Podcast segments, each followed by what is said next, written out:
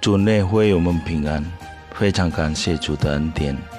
我们今天能再度参与读经运动反思。读经运动反思之前，请阅读本日读经运动的经文和请阅读本日读经运动的短诗。各位弟兄姐妹，大家好！希望大家都在神的恩典的保护之下。我们再一次可以来参加这个读经运动反思，希望大家从神的话语可以得到帮助，得到鼓励，更加的亲近神。我们今天的这个主题就是自以为有智慧，是从真言书二十六章。我们在还没有思想这个经文之前，我们再次低头，我们进入祷告。天父上帝，我们谢谢你给我们机会，每天有这个很好的这个时间来思想神的话语，让你的话语可以成为我们生命的这个灵粮，指引我们前面的道路，好让我们越走越光明，越走越亲近神，越走越爱神。你赐福使用你的仆人，可以把你的话语。讲得清楚，让我们听得明白。我们这样的祷告是奉靠耶稣圣名求，阿门。亲爱的弟兄姐妹，箴言二十六章再次的论到以昧人，在这一章里，我们会看到很多这个对以昧人的责备。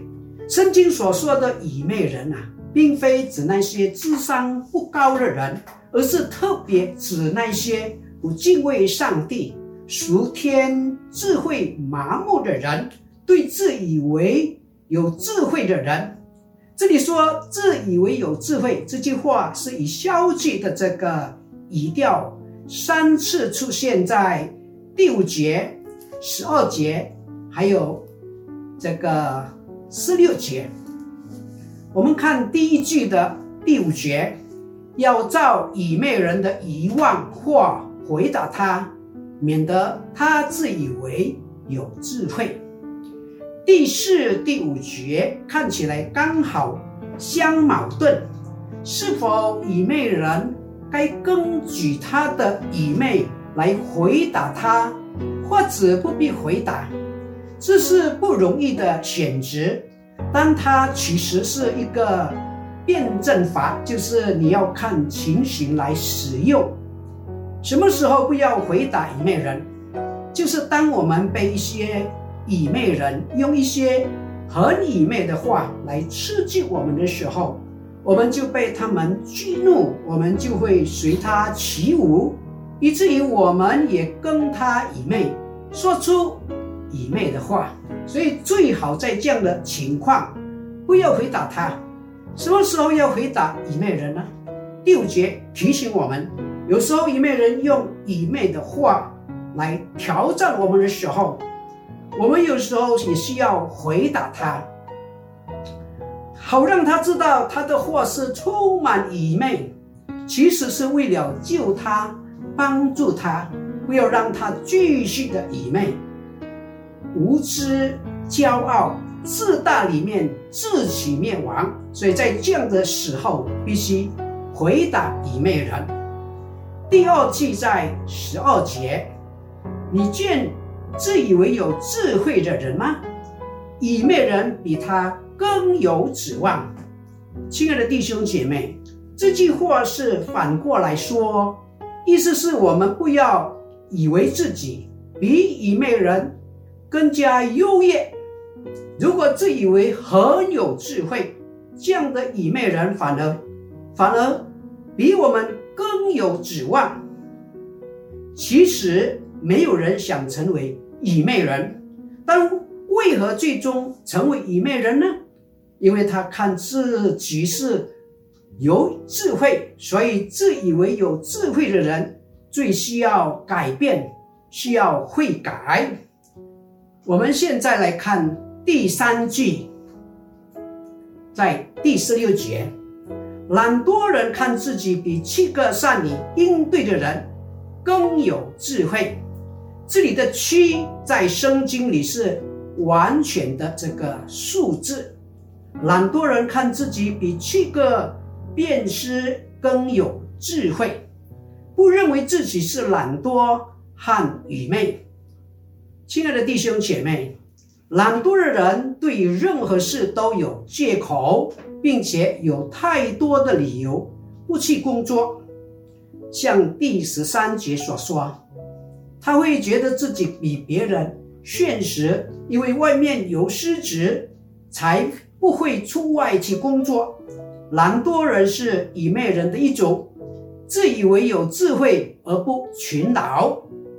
圣经提醒我们，这这呃这只不过是一个变相的愚昧而已。为了达到懒惰人的目的而想尽办法，越是自圆其说，所花的时间和精力可能比。工作付出的更多。亲爱的弟兄姐妹，以前在大陆有一位绑匪啊，就是张子强，他专门切此富商的。他的人生哲学就是单求享受，不择手段。可惜聪明总被聪明误，最后他被军方抓住。被处死，处死刑。亲爱的弟兄姐妹，一个人自以为有智慧，就成为愚昧人，慢慢的，慢慢成为懒惰人、尊敬的人、传识的人、怨恨的人，最后就演变为邪恶的化身，心中装满各种邪恶。这样的人没有尊严，只有刑罚。并且只有咒诅临到他的身上。还有一个人的愚昧，如果是由于他无知，尚可救药；只要他肯自己肯自己这个认识自己的无知，谦卑自己，愿意接受别人的教导，他就比自以为有智慧的人更有指望。所以说得好。满招损，谦受益，意思是自满会招致损失，而谦卑只会使人收益。但如果人的愚昧是由于自以为有智慧，就是自高自大而来的，那就无可救药，无法可施了。这种人已不可救药，所以点缀以。纯的人也胜过他。在箴言第三章第五到第六节告诉我们：你要专心仰赖耶和华，不可以靠自己的聪明，在你一切所行的事上都要认定他，他必指引你的路。